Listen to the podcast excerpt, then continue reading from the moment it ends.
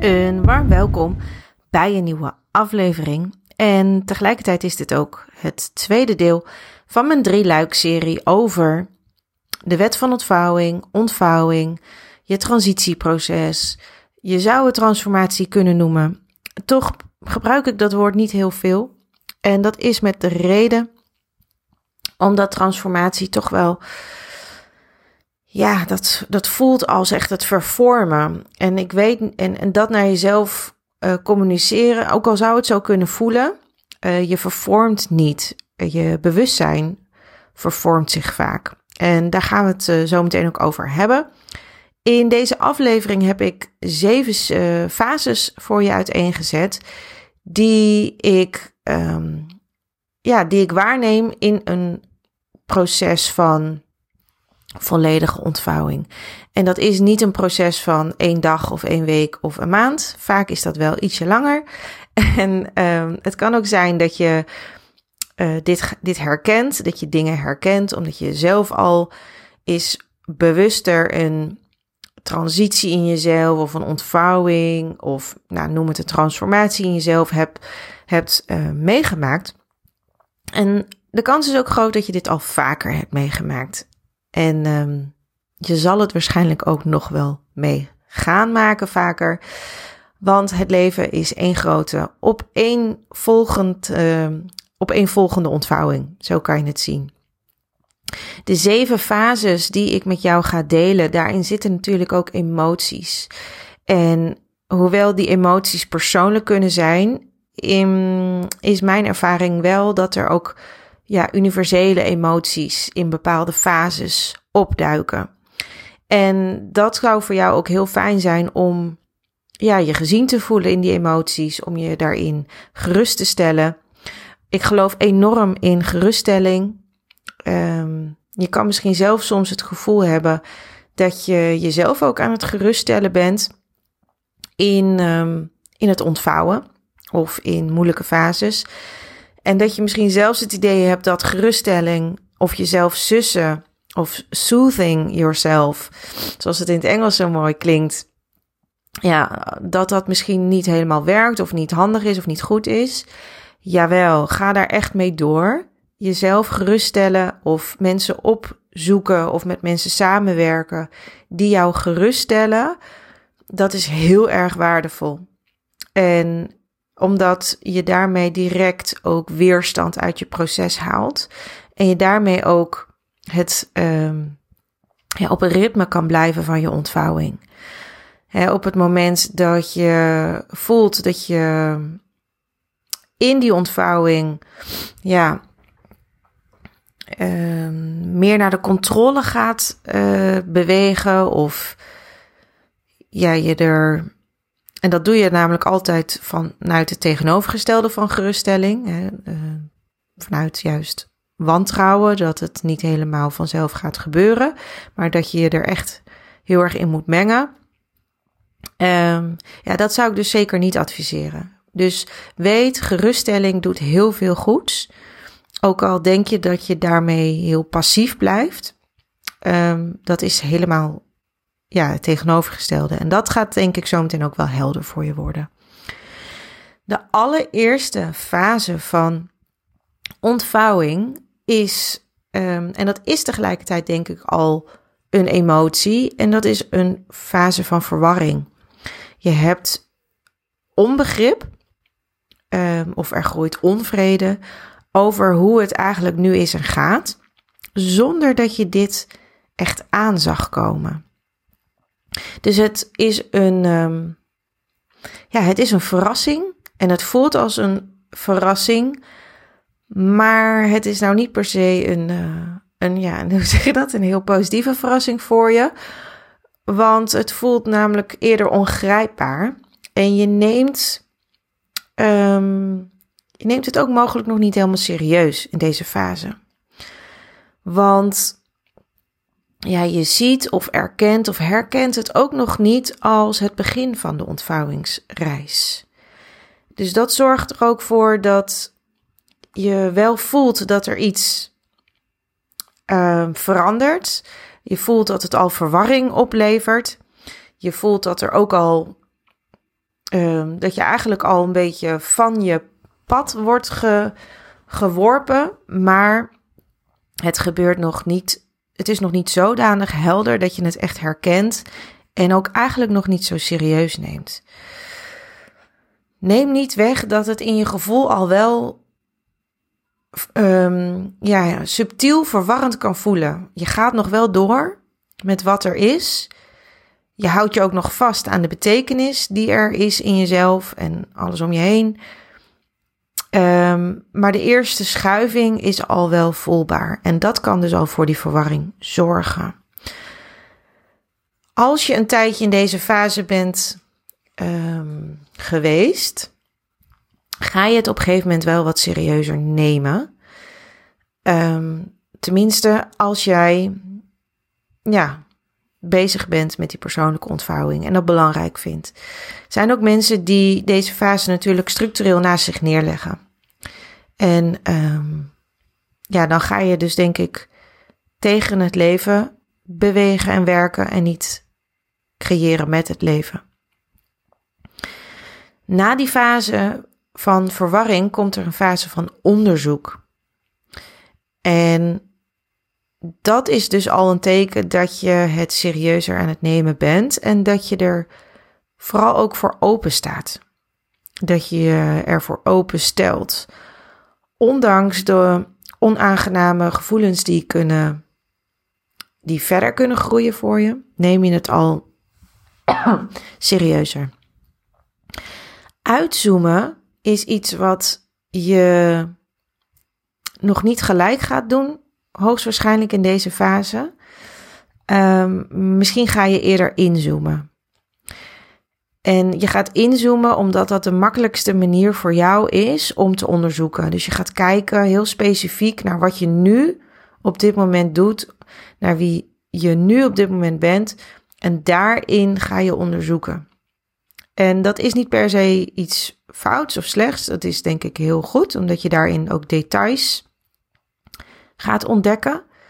Um, maar in deze fase is het heel erg belangrijk om ook uit te zoomen, omdat je daarin veel meer uh, kan horen wat er wil verschuiven in jou. En wat er wil verschuiven is vaak een uh, meer een overkoepelende, een, een hogere energie dan iets heel specifieks van wat je doet.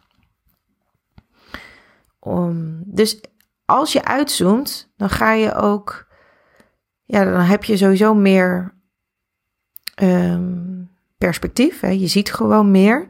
Dus de kans is ook veel groter dat je in het uitzoomen gaat zien wat er dus wil krimpen, wat er wil groeien, wat je wilt loslaten. En dat hoeft nog niet eens per se een bewuste keuze te zijn van oh, dat moet ik laten krimpen, dat moet ik laten groeien, dat is wat ik los wil laten. Maar je dient eerst een bewuste keuze te maken om uit te zoomen en datgene wat er dus wil gebeuren ruimte te geven. En daar vandaan ga je dus een idee krijgen bij wat er wil krimpen, wat er wil groeien, wat je los wil laten. Dus je hoeft ook echt in deze fase van onderzoek nog niet 100% die nieuwe realiteit um, te weten of die te gaan, um, of om dat als resultaat uit je onderzoek te halen. Hè, dat je voor 100% al weet weer wat je nieuwe realiteit is en daarvoor te kunnen kiezen. Nee, in deze fase wil je vooral um, je wil die nieuwe vorm wel al, hè? Ik bedoel, dat, dat is heel begrijpbaar. Dus je wil die nieuwe vorm al wel. Maar wat je vooral moet willen eigenlijk in deze fase, of mag willen, is dat je bewustzijn hier, dat je daar dingen in begint los te laten of dingen daarin laat krimpen of dingen daarin laat groeien. Dus eigenlijk je energie en je bewustzijn begint hier al te schuiven. En die vorm, die volgt. Die wil je hier wel al en die wil je hier wel ook al onderzoeken, maar die volgt. Dus wat je hier vooral dient te onderzoeken en waar ik in mijn werk ook de focus op leg in deze fase, is het onderzoeken En uitzoomen van wat wil er verschuiven. En datgene dat wil verschuiven in je bewustzijn, in je perspectief, in je waarde, in wie je bent, in hoe je naar de dingen kijkt, in hoe je de dingen doet, en hoe je, hoe je bent. Um, op het moment dat je dat ruimte gaat geven, dan, um, ja, dan zet je eigenlijk een hele mooie randvoorwaarde neer voor later, een paar fases verderop, om daar de vorm echt kloppend weer te laten landen. Na die fase van onderzoek, en um, die stopt daar niet. Dat is, dat, dat, ik, ik markeer het even als een losse fase, maar de, deze fase heeft niet per se een eindpunt. Deze fase neem je mee en beweegt mee um, door alle andere fases heen. En ik denk dat dat ook heel mooi is om um, ja, van tijd tot tijd onderzoek te doen. De derde fase is een fase van weerstand. En die weerstand die gaat over ja, dat je het misschien eigenlijk gewoon niet wil. Deze ontvouwing of die transitie. Dat je er eigenlijk gewoon niet zoveel zin in hebt ook. Het is niet handig. Het werkt voor je gevoel tegen je en niet voor je. Dus er zit een bepaalde weerstand van ja, bah, weet je, ik had gewoon, ik heb de dingen goed op orde. Um, je zit er gewoon eigenlijk niet zo op te wachten. En je zit ook niet te wachten op dingen loslaten. Dat is namelijk um, in de praktijk is het ook niet zo 1, 2, 3 gedaan, dingen loslaten. Er is ook weerstand tegen het besef dat je dus in die transitie zit. En het maakt je ook um, een tikje bozig wellicht op het onbekende. Van ja, je weet dat er dingen schuiven, maar je weet ook nog dus niet wat die nieuwe vorm is. Ja, wat kan je daar nou mee? Wat kan je daar nou mee? Dus daar zit ook een irritatie, een, het kan een, frustratie zijn, een boosheid zijn, een weerstand zijn. Op dat niemandsland van ja, wat moet ik hier nou? je voelt misschien al hier een klein beetje de wachtruimte of de onthold. Ik heb het vaak over onhold. dat je echt zo voelt dat je even dat er een knopje bij je in wordt gedrukt. Dat je even nog op onhold staat. Je kan nog niet gaan. Nee, dat is omdat er nog een aantal fases te doorlopen zijn. Maar dat neemt wel ook veel onzekerheid mee. Want ja, wanneer is het helder? We zijn als mens gewoon ook best wel ongeduldig. En je voelt um, al best wel bewust deze fases door. En ja, daarmee groeit ook wel de, uh, het ongeduld, er groeit ook wel onzekerheid. En in deze fase kan je ook de neiging hebben om de controle weer te gaan pakken. Dus om toch weer dingen te kiezen of te forceren, om toch um, ja, het onaangename van het ontvouwen te stoppen. Dit weet je ook en je, je, je zal het waarschijnlijk ook doen. En je zal waarschijnlijk ook weer voelen dat je te snel bent gaan kiezen ergens voor of dat je hebt geforceerd. Um, en je, ja, dat is allemaal, heeft allemaal te maken met die fase van weerstand. Dat is wat je dan doet en dat is heel begrijpbaar. De vierde fase is de fase waarin um, ja, ik zou het emotionele ruimte willen noemen. En in deze fase ga je al ietsje meer neerleggen bij het feit dat het onduidelijk is, bij het feit dat je in transitie zit, bij het feit dat het niet helder is. En omdat je die emotionele ruimte pakt, komen er ook emoties verder naar boven. En dat kan gaan over een stukje rouw um, of een gevoel van afscheid of een stukje verdriet van datgene dat weg aan het ebben is. Datgene dat aan het wegsmelten is. Datgene wat achter je gaat komen te liggen en waarbij je al voelt dat, er, dat je er niet meer naar terug kan gaan. Dus enerzijds is het mooi, want er groeit ook acceptatie en overgave, hè, dat je je laat meevoeren. En tegelijkertijd is er ook um, ja, een stuk verwerking. En het klinkt allemaal heel heftig. En zo kan het van binnen ook soms zo voelen, heel heftig. En soms voelt het niet zo. Um, en het is all's good. maar in deze fase um, groeit er ook het besef dat het best eenzaam is waar je in zit. Iedereen om je heen lijkt het allemaal wel helder te hebben en lijkt lekker te creëren. En jij zit gewoon even in een andere fase. En die eenzaamheid, die kan. Hoe zeg je dat? Die kan ook best wel heftig voelen van tijd tot tijd. Dus voel je daar ook. Dus ja, dat is ook wel een van de. Dat is ook wel een reden achter deze podcastserie. Dat op het moment dat je weet dat het normaal is om je eenzaam te voelen en dat het heel universeel is en dat het bij heel veel mensen um, gebeurt, dan voel je je al een stuk minder eenzaam weer. Dus dat is ook weer grappig hoe dat werkt. Um, maar je creëert dus vooral al ruimte in deze fase. En je merkt dat het een en ander dus al aan het opbouwen is. En het is fijn en geef ook al die emoties de ruimte in, um, in die fase. Dus ja, dat betekent niet dat je jezelf um, als een slachtoffer hoeft te voelen of gedragen. Wat ongetwijfeld ook gaat gebeuren. En weet je, beweegt daar gewoon weer mee.